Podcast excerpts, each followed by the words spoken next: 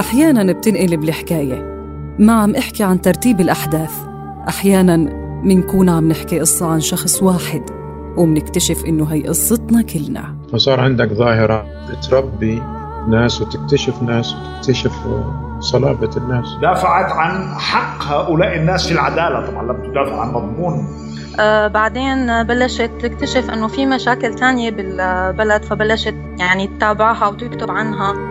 وقت نتذكر ما منكون عم نستعيد الأحداث والقصص. وقت نتذكر منكون عم نتحرر. منكون عم نمسك بقوة أكبر. الخيط يلي بدونه بتصير كل الأيام هي تكرار كاذب لحياة مو موجودة.